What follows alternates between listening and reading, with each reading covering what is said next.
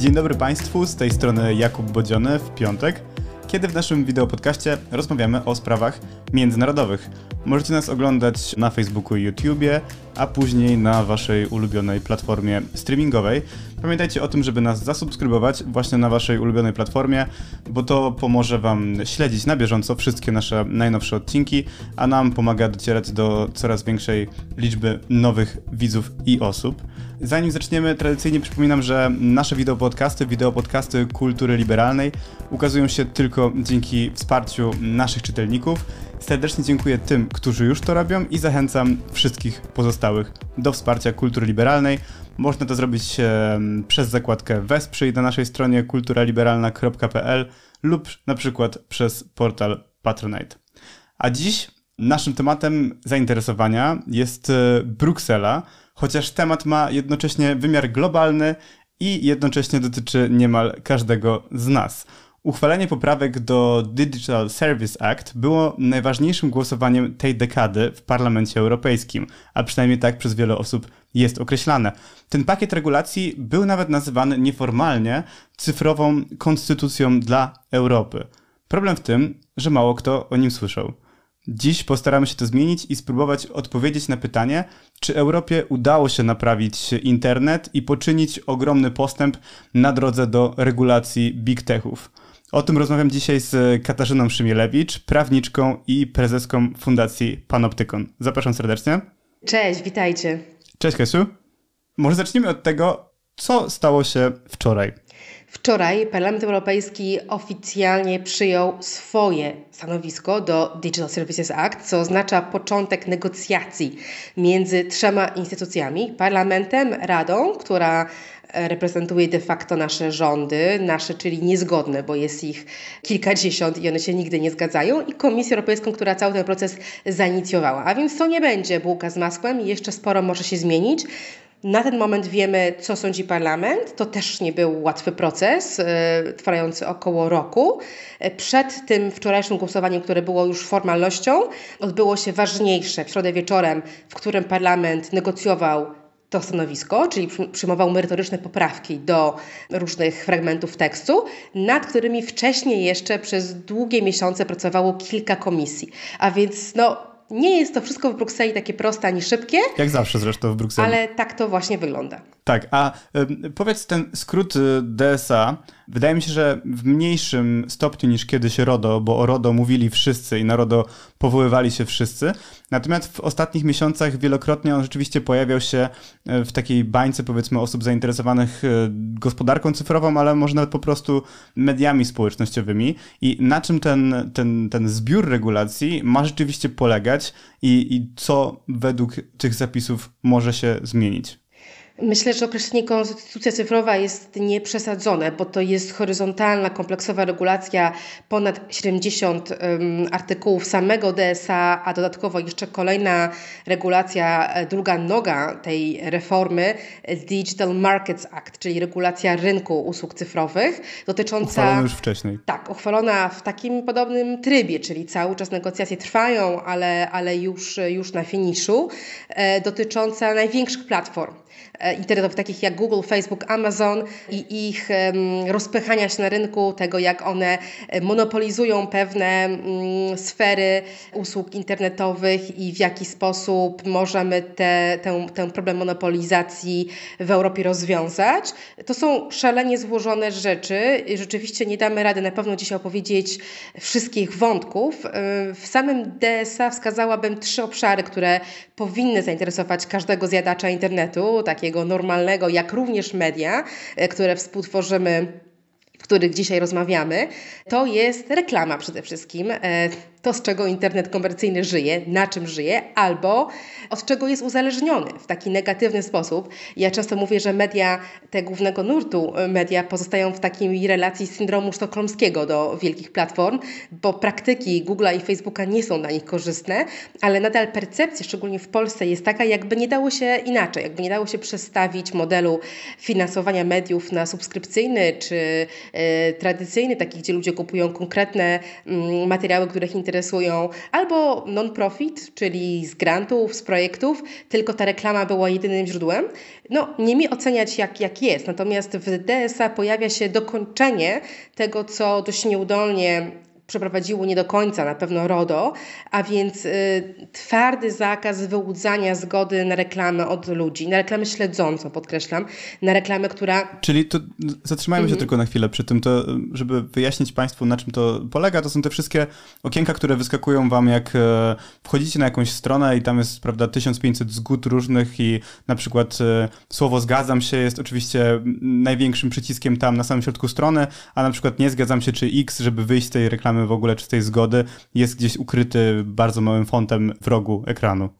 Tak, takie praktyki zostały uznane za zabronione, jako niekorzystne dla konsumentów. Co do tego chyba nikt nie ma wątpliwości, że one są niekorzystne i że po to eksperci od e, user experience, od UX-u nad nimi pracują, żeby uzyskiwać efekt w postaci e, naszego tolerowania tego śledzenia, mimo że go tak naprawdę nie chcemy. To, że go nie chcemy, potwierdzają wszelkie znane mi niezależne, niefinansowane przez duże platformy ani biznes reklamowe badania. Ludzie rzeczywiście nie spieszą się do płacenia za treści w internecie internecie, ale jednocześnie nie pasuje im to, że czy płacą, czy nie płacą, są śledzeni i to w wyniku takich właśnie toksycznych, irytujących, aroganckich praktyk. E, te praktyki mają odejść do lamusa mm, z przyjęciem DSA, jeżeli e, te przepisy przetrwają negocjacje z e, pozostałymi instytucjami europejskimi, a dodatkowo pojawia się mm, twardy zakaz najbardziej powiedziałabym, niebezpiecznych form reklamy, czyli reklamy, która albo mm, targetuje dzieci, które nie są na to w ogóle gotowe psychicznie, a są targetowane. Wiemy o tym również wszyscy, bo wiemy, że dzieci to stali bywalcy portali takich jak Facebook, mm, Instagram, mimo że formalnie nie powinny tego robić, one to robią. Te firmy o tym doskonale wiedzą i nie dość, że im tego nie uniemożliwiają, to jeszcze mają specjalne praktyki targetowane do dzieci e, i to powinno się skończyć. Ostatnia sprawa powinno się skończyć również targetowanie nas dorosłych i wszystkich innych osób e, w oparciu o dane wrażliwe. Czym są te dane wrażliwe? Zgodnie z RODO, bo do tego odwołuje się tutaj DSA, to są informacje na przykład o naszym zdrowiu, na przykład o naszych poglądach politycznych, o naszej seksualności, więc naprawdę delikatne rzeczy. Mi brakuje w tej kategorii po prostu słabości ludzkich.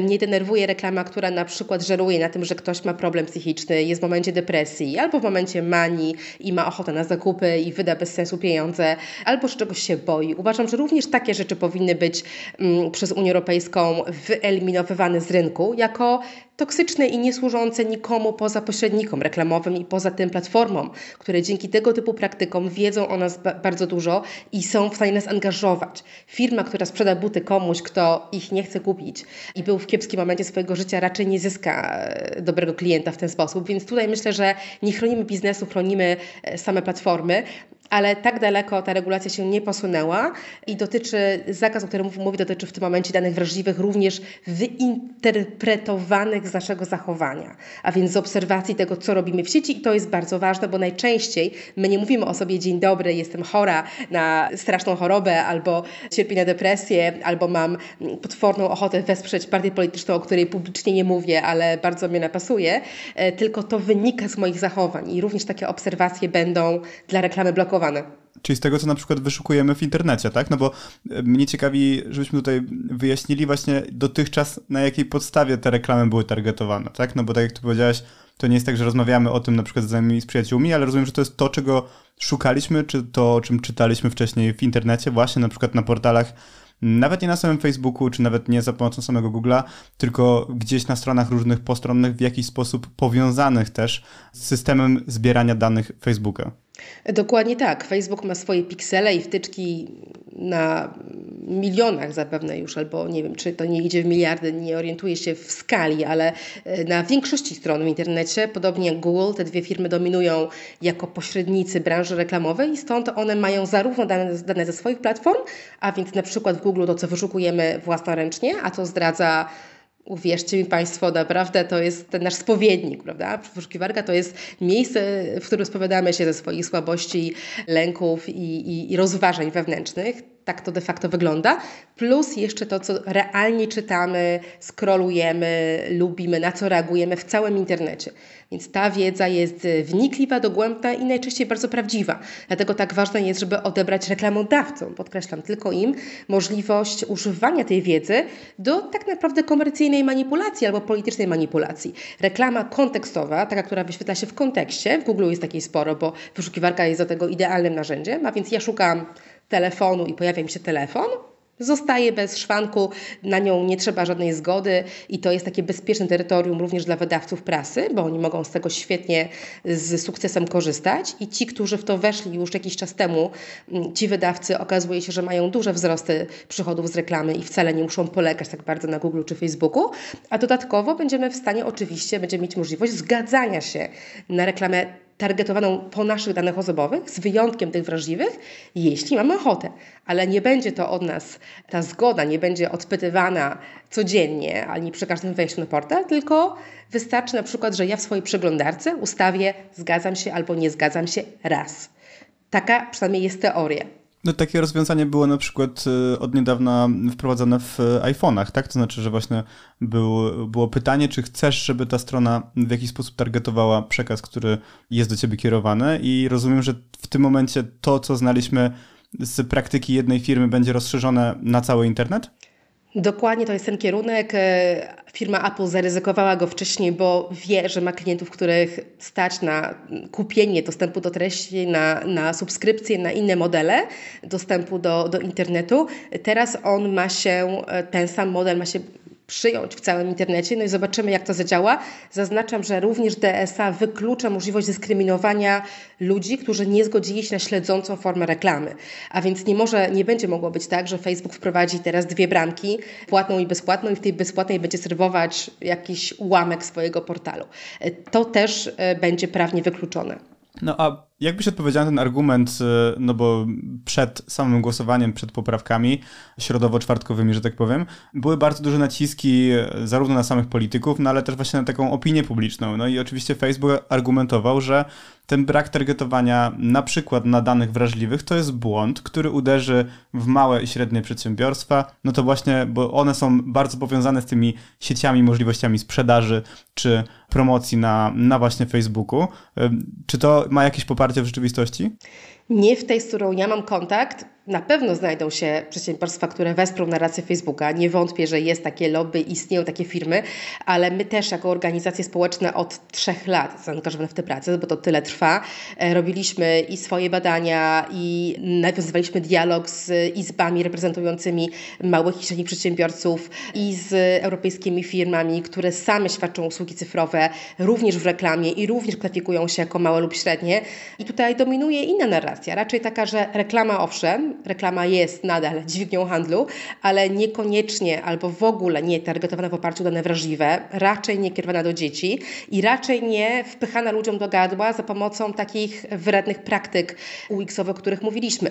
Ci przedsiębiorcy, którzy chcą budować autentyczne relacje z klientami i być z nich zadowoleni z tego, że, że, że działają na jakimś rynku, mieć z tego tytułu reputację dobrą i, i przychody stałe, a nie chwilowe, czyli nie spamerzy i, i nie ludzie, którzy nam coś wciskają zyskają na chwilę, a potem znikają, tylko firmy o reputacji dobrej, one raczej chcą mieć jakościową reklamę również. To jest tak jak w branży jedzenia, jak w branży e, zanieczyszczeń, jeżeli firma ceni to, co robi, nie chce być kojarzona na przykład z mm, emisją CO2, prawda, albo z mm, kiepskim jedzeniem, czy tak samo z reklamą, która jest nieuczciwie targetowana. Więc to zaczyna być widziane, taka reklama, jaką serwuje Facebook, raczej jest widziana jako kłopotliwa, jako kłopot reputacyjny, bo jeżeli reklama firmy, która chce mieć dobrą pozycję na rynku, wyświetla się w kontekście, który jest bardzo dla ludzi negatywny, w kontekście lękowym, w kontekście, nie wiem, treści pełnych dezinformacji czy hejtu, po to tylko, żeby zaangażować i żeby było kliknięcie w taką reklamę, to to nie buduje niczego długofalowego. Więc tutaj mamy opinie od przedsiębiorców raczej podważające narrację Facebooka, która oczywiście była e, po to, aby sam Facebook mógł takie zmiany dla niego niekorzystne zablokować. Tym kolejnym punktem, który udało się w jakiś sposób uchwalić, jest kwestia regulacji treści. No i to widzieliśmy nawet niedawno na, na naszym podwórku, to znaczy Facebook, który odcina dostęp czy lewicowych, czy prawicowych, to już też troszeczkę zależy od e, kontekstu w danym państwie, partii politycznych, uniemożliwiając im w jakiś sposób komunikację z wyborcami. W Polsce oczywiście mieliśmy do czynienia z przypadkiem Konfederacji, która została usunięta z Facebooka i jej kolejne twory, fanpage pod różnymi nazwami, niekoniecznie oddającymi rzeczywiście napis Konfederacja, również zostają, zostały usuwane. Czy to w jakiś sposób się teraz zmieniło? Czy ta możliwość jakby arbitralnej cenzury ze strony Facebooka czy innych wielkich platform w jakiś sposób zostanie ukrócona? Tak, e, te przepisy były już w projekcie Komisji Europejskiej nawet, więc wydają się stabilne i bezpieczne, jeśli chodzi o całą reformę, raczej z niej nie znikną. E, ten pomysł, aby ograniczyć arbitralną cenzurę przejawia się w, Europie od, od, od, bardzo dawna i byłabym zdziwiona, jakby się z niego decydenci wycofali, bo problem rzeczywiście jest dobrze rozpoznany. Nie dotyczy, tak jak powiedziałeś, tylko Konfederacji, choćby Panoptykon ma od lat prowadzić sprawę przeciwko Facebookowi w imieniu e, społecznej inicjatywy narkopolityki, która również takie problemy miała i chyba ma nadal, dlatego że prowadziła działania polegające na redukcji szkód, wspierała ludzi uzależnionych od narkotyków i była profilowana przez Facebooka, jakby promowała narkotyki. Platforma nie była w stanie rozróżnić jednego od drugiego, a może była, ale nie było w jej interesie tolerowanie takich, e, takich społecznych działań, takiego aktywizmu na platformie i, i, i takie rzeczywiście przykłady się mnożą i z lewa i z prawa na całym świecie. Teraz ma być tak, że platforma będzie musiała poinformować o co dokładnie chodziło, czyli dlaczego faktycznie blokuje profil, podobnie jak konkretne treści, powołać się na konkretny punkt regulaminu, a nie jakieś ogólne terms and conditions. Co więcej, same te regulaminy będą musiały być zgodne z Europejską Kartą Praw Podstawowych, która chroni różne prawa człowieka, w tym wolność wypowiedzi, prywatność, dostęp do informacji, więc nie będzie też tak łatwo Facebookowi napisać sobie ten regulamin pod własne interesy komercyjne, pod własne widzimisię i to jeszcze w różnych krajach różne, tak jak to teraz ma miejsce. No i wreszcie będzie procedura odwoławcza tak, tylko też jakby może powiedzmy o tym, że oczywiście Facebook na przykład usuwając ten profil Konfederacji powołał się wielokrotnie właśnie na punkty w regulaminie, ale z drugiej strony, który napisał sobie sam i te punkty są bardzo takie rozmyte, obłe, że tak powiem, to znaczy można dostosować i podciągnąć pod nie bardzo różne zachowania, troszeczkę w zależności od interpretacji i tego, e, w jaki sposób chcemy, żeby coś było przedstawione. Natomiast jakby faktycznie linia argumentacji Facebooka względem Konfederacji była taka, że słuchajcie, były konkretne ostrzeżenia, do których się nie zastosowaliście i w związku z, z punktem regulaminu, który jest również powszechnie dostępny, my usuwamy wam konto. I jakby to, co się teraz zmieni, to faktycznie ten regulamin będzie musiał być inny i też jakby ta procedura będzie inna, ale tam jeszcze jest, jest coś jeszcze, to znaczy ten jakby trzeci niezależny podmiot. Tak, jest jeszcze arbiter, yy, może nie prawdy, bo prawdy tutaj zwykle nie ma, racje są gdzieś po środku, bardziej proceduralny, sądzę, e, ocena, czy procedura, którą stosuje Facebook, rzeczywiście jest uczciwa, czy względy, które się powołał, miały miejsce, fakty, czy to, się, czy to się zgadza z rzeczywistością.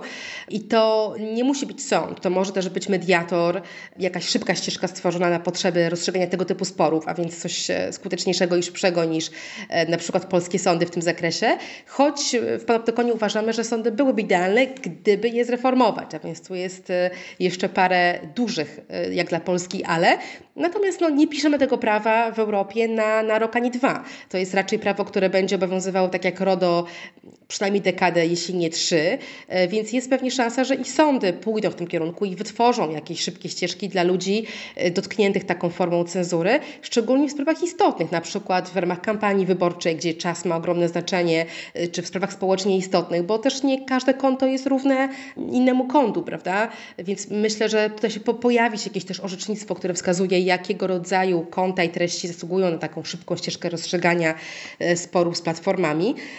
Więc tutaj tutaj e, zobaczymy, myślę, najciekawsze rzeczy w praktyce. Trudno teraz przewidzieć, jak to się wszystko ukształtuje. Natomiast idea jest taka, żeby zabrać rozstrzyganie końcowe platformie i wyprowadzić te spory na zewnątrz, jednocześnie nie prowadząc takiego, do takiej sytuacji, w której każdy będzie mógł mówić wszystko, co, co mu się podoba na Facebooku. Jeżeli są konta, które faktycznie nadużywają tej wolności wypowiedzi i faktycznie publikują treści niezgodne z prawem, czy e, siejące nienawiść, czy notorycznie obraźliwe dla jakichś grup społecznych i są notyfikowane i nic z tym nie robią, myślę, że te konta będą znikały i będzie to rozstrzygane jako słuszna decyzja. A powiedz, kiedy te zmiany, o których tutaj rozmawialiśmy, kiedy one rzeczywiście mogą wejść w życie? No bo tutaj mówiliśmy o tym już na początku, tak, ale to jest jakiś etap tej całej procedury. On jest bardzo ważny, no bo sam Parlament Europejski ma ogromne znaczenie, zarówno w procesie właśnie uchwalania prawa w Unii Europejskiej, ale też y, ten fakt, że jest de facto jedynym ciałem wyłanianym w wyborach powszechnych i jest y, w jakiś sposób wyrazicielem głosu europejskiego społeczeństwa. Natomiast całe to prawo uciera się w takiej procedurze zwanej trylogiem, czyli właśnie negocjacjami pomiędzy Parlamentem Europejskim, Komisją Europejską a Radą Europejską, czyli właśnie reprezentantem przedstawicieli państw narodowych, rządów czy, czy państw narodowych i rozumiem, że pomiędzy nimi utrze się jakieś wspólne stanowisko, które później będzie prawem. Mniej więcej tak. To stanowisko będzie ucierało się przynajmniej do kwietnia, w mojej ocenie, jeśli nie dłużej. Na koniec trafi jeszcze raz do Parlamentu Europejskiego, który to zaakceptuje. Tak sobie wyobrażam, bo trudno było sobie wyobrazić odrzucenie na tym ostatnim etapie. I potem będzie jakieś vacatio legis, czyli czas oczekiwania na wejście w życie przepisów. Nie wiem jeszcze czy rok, czy, czy dłużej nawet. E, RODO miało dwa lata.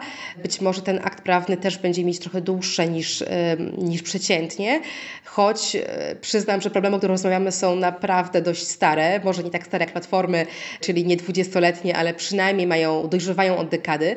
Mm, no, co gorsza, nie wszystkie zostały rozwiązane. My podkreślamy e, potężny problem związany z w zasadzie całą, cały konglomerat problemów, które wiążą się z działaniem e, systemów rekomendacyjnych, a więc tego, jak platformy podsuwają nam dzisiaj treści, nie reklamy, ale treści w ogóle.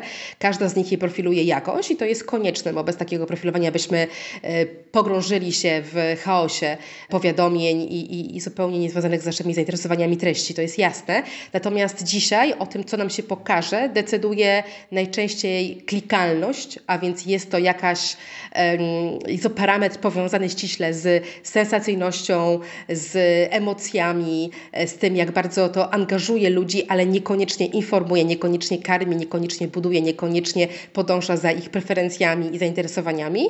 A więc trochę to tak wygląda, jakbyśmy byli takimi szczurami w laboratorium, które są bodźcowane, ile jeszcze zniosą i czy znowu zareagują. I zwykle tak jest, że my znowu reagujemy, bo bardzo trudno jest wyplątać się e, z, z, tych, z tego mechanizmu nagrody, E, które platformy doskonale mają rozpracowane i karmią ten mechanizm nagrody właśnie poprzez odpowiednio zaprojektowane interfejsy i Przerwanie tego to jest, to jest duża sprawa dla człowieka, żeby, żeby zyskać autonomię.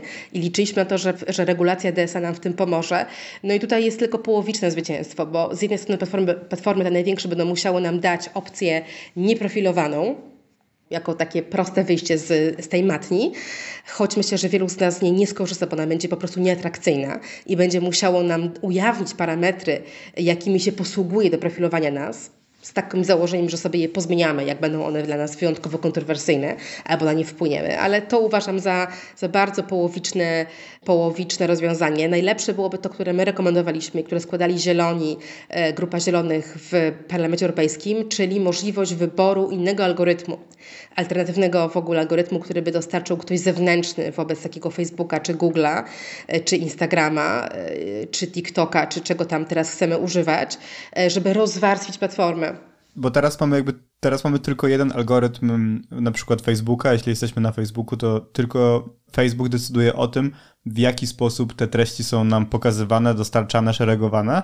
Rozumiem, że wasza propozycja polegałaby na tym, że mamy na przykład możliwość wybrania jakiegoś innego zewnętrznego algorytmu i te treści by nam się pokazywały w ten sposób na innej zasadzie, tak?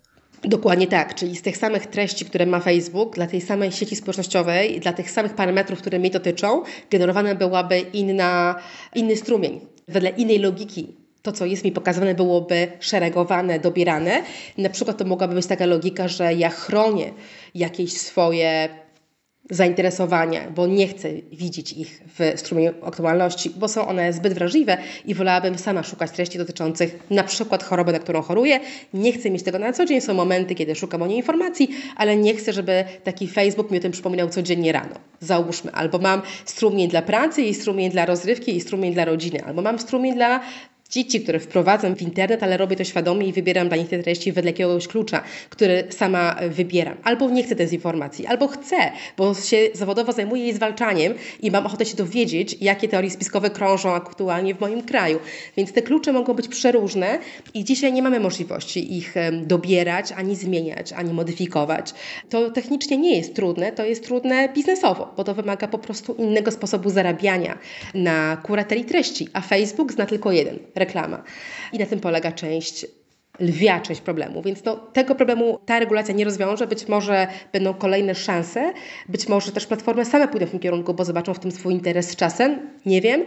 E, na te rozważania mamy jeszcze pewnie rok albo dwa, bo zapewne tyle zajmie jeszcze dalszy ciąg e, prac i samo vacatio legis. Tak, to znaczy też jeśli chcecie dowiedzieć się więcej właśnie na temat e, tego, w jaki sposób działają te obecne algorytmy Facebooka, no to rozmawialiśmy kilka miesięcy temu właśnie z Kasią dokładnie na ten temat, troszeczkę na kanwie zeznań Frances Hogan, czyli właśnie e, sygnalistki z Facebooka, która zdecydowała się na zeznania między innymi, między innymi przed e, amerykańskim parlamentem, ale również właśnie w Europie. I tam było no jasno powiedziane, to znaczy, że Facebook doskonale zdaje sobie sprawę z tego, że to właśnie najbardziej radykalne, polaryzujące treści są dla nich najbardziej korzystne, to znaczy wywołują najwięcej interakcji, wywołują właśnie ten mechanizm jakiejś nagrody, oczywiście nagrody w cudzysłowie troszeczkę, no bo ta nagroda często wiąże się z tym, że jesteśmy wyeksponowani na treści w gruncie rzeczy szkodliwe, natomiast y, to nie jest tak, że Facebook sobie nie zdaje z tego sprawy i tak jak Kasia powiedziała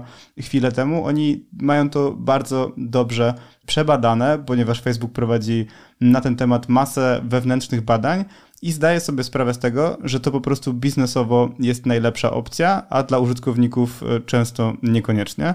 Ten podcast tutaj zalinkujemy zarówno w opisie, jak i pod naszym nagraniem. My też robiliśmy na koniec całe badanie temu poświęcone pod hasłem algorytmy traumy, taki hashtag i też taka strona, bardzo polecam e, zapoznanie się z tym materiałem, bo daje do myślenia. Natomiast to, co mi dało do myślenia na ostatniej prostej przed głosowaniem w Parlamencie Europejskim, to e, to, czym e, Ty, Kubo, we wstępie wspomniałeś, czyli relatywnie niska świadomość polityków, szczególnie polskich i ich mała reaktywność na nasze rekomendacje, szczególnie tę ostatnią, którą zrozumieli ludzie na placach jednej ręki, których możemy y, policzyć na lewicy i, i prawicy i zagłosowali za, e, za taką rekomendacją, no nieskutecznie, tak jak powiedziałam, bo ona nie przeszła, ale to dlaczego w Polsce mamy bardzo duże e, poruszenie wokół takich spraw jak cezurę Konfederacji, czy polskie Lex Ziobro, które próbuje w nieudolny sposób pewne elementy DSA na nasz grunt przeszczepiać, a dodatkowo jeszcze czyni sporo złego i to budzi zainteresowanie, a coś tak poważnie przygotowanego i tak ważnego dla internetu jak DSA właśnie nie grzeje polskich mediów, mediów i nie angażuje deputowanych, którzy przecież pobierają ogromne pieniądze za sam fakt bycia e, w tym procesie i głosowania na koniec, więc powinni się przynajmniej poinformować, to mnie nie przestaje dziwić i, i rozczarowywać. No i tutaj mogę tylko... Ale z czym to jest związane twoim zdaniem? Czy, czy oni wiedzą, że to ludzi za bardzo nie obchodzi, czy na przykład nie rozumieją tych konkretnych kwestii? Nie jestem socjolożką, nie zaryzykuję definitywnej diagnozy. Myślę z obawą, że to chodzi o model działania mediów, na który narzekamy również w tej rozmowie i wiążemy go słusznie, myślę, z działaniem algorytmów dużych platform.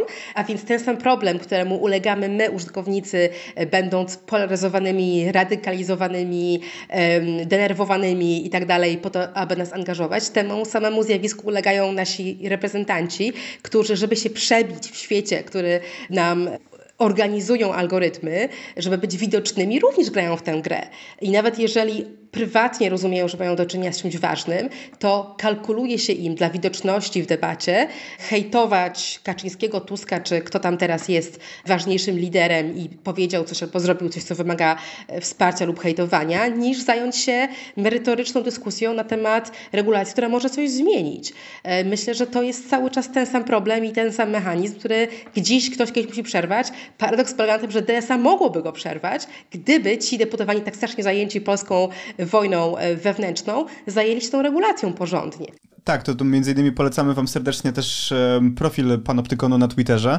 Wy na tej takiej ostatniej, prostej przed, e, przed środą i czwartkiem prowadziliście, że tak powiem, aktywną presję na polityków, e, na polskich polityków i polityczki, które reprezentują nas w Europarlamencie.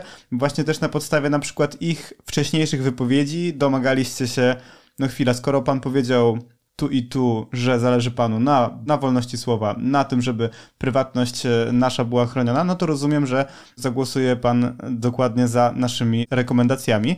Jak te działania przełożyły się na konkretne wyniki? Mówiłeś, że, no bo tutaj też na stronie Panoptykonu po raz kolejny polecę, możecie na przykład zobaczyć właśnie sprawozdanie troszeczkę z tego zgłosowania przygotowane przez fundację, to znaczy zobaczyć dokładnie, którzy politycy i polityczki głosowali zgodnie z interesami interesem użytkowników, e, zgodnie z interesem nas, to znaczy no, osób, które korzystają z platform cyfrowych, a którzy nie i jakie były rekomendacje Panoptykonu w tym względzie.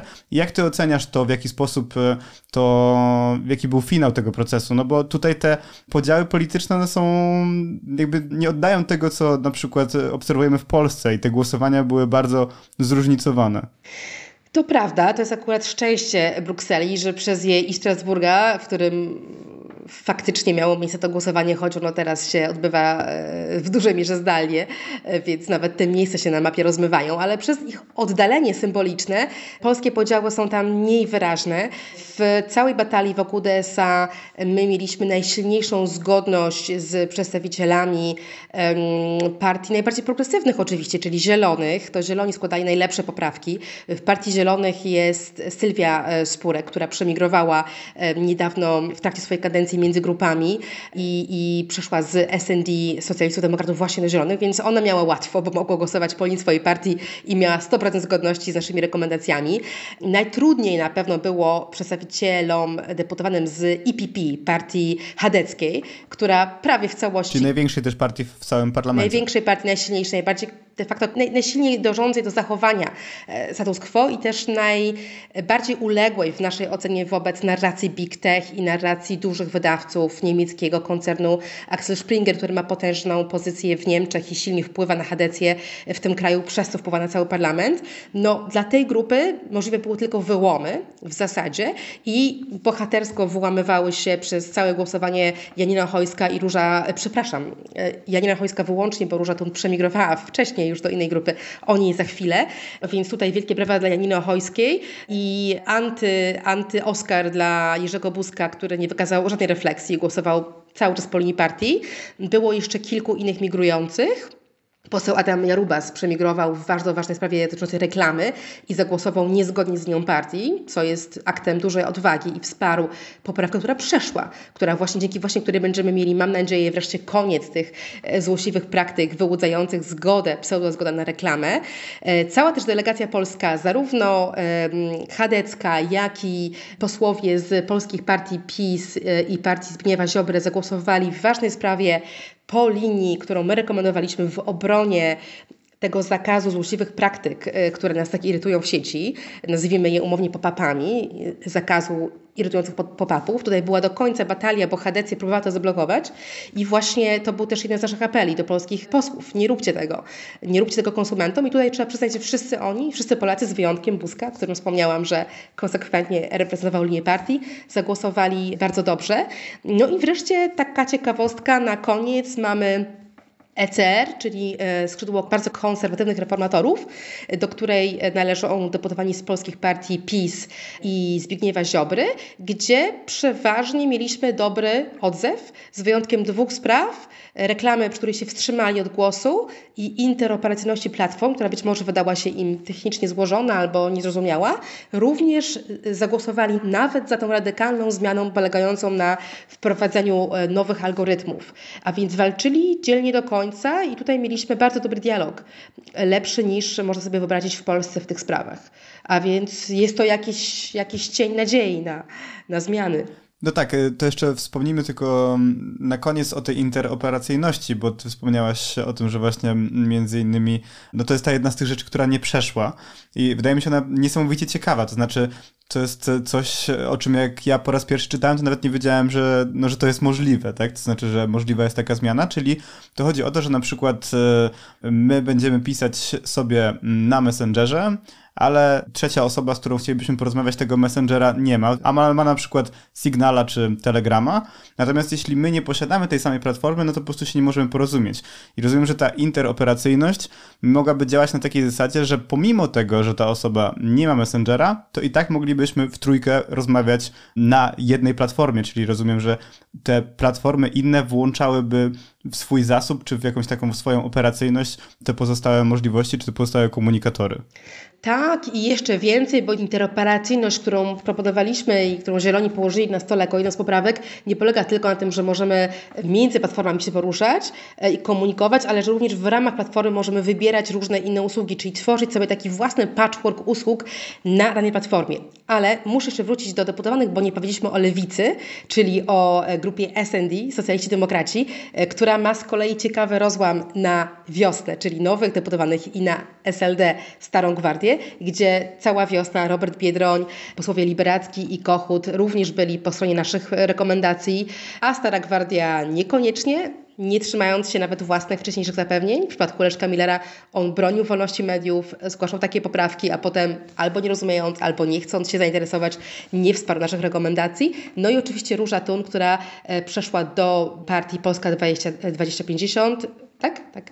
Czyli ruch Hołowni, która jako jedyna jest w grupie Reniu i tam jako jedna z niewielu głosowała w zgodności z rekomendacjami organizacji cyfrowych, co wymagało nie lada odwagi. Więc są też bohaterowie tego głosowania i bohaterki, no ale przeważnie rzeczywiście myślę, że posłom brakuje czasu na co dzień e, w tym zgiełku i kompetencji, żeby te zawiłe kwestie analizować i mieć własne zdanie, co nawet rozumiem, ale skoro tak, chciałabym, żeby słuchali tych, którzy w tym siedzą od lat i taką interoperacyjność, o której powiedziałaś, że no nie jest to oczywista zmiana, ale jest możliwa technicznie i mamy na to ekspertyzy, na przykład im e, podpowiadają, bo ta zmiana o interoperacyjności i wprowadzenie alternatywnych algorytmów na platformy takie jak Facebook czy Google byłoby ogromnym przełomem. Myślę, że rozwiązałoby wiele problemów również z moderacją treści, również z dezinformacją, również z polaryzacją w debacie.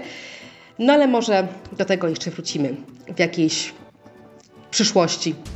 Wrócimy do tego na pewno, także będziemy dalej śledzić właśnie tą kolejne jakby odcinki bitwy, czy, czy kolejne przełomy w walce o, o naszą prywatność, zarówno na poziomie polskim, europejskim, jak i globalnym. Na dziś bardzo Ci dziękuję, Kasiu. Dziękuję ja. Pozdrawiam. To już wszystko na dzisiaj. Jeśli spodobał Wam się ten podcast, to będziemy bardzo wdzięczni za ocenę i recenzję na Waszej ulubionej platformie. To zajmuje tylko chwilę, a dla nas bardzo dużo znaczy. Dziękuję, że byliście dzisiaj z nami. Wydawczynią programu była Zofia Majchrzak, a my widzimy się już w następny piątek. Do zobaczenia.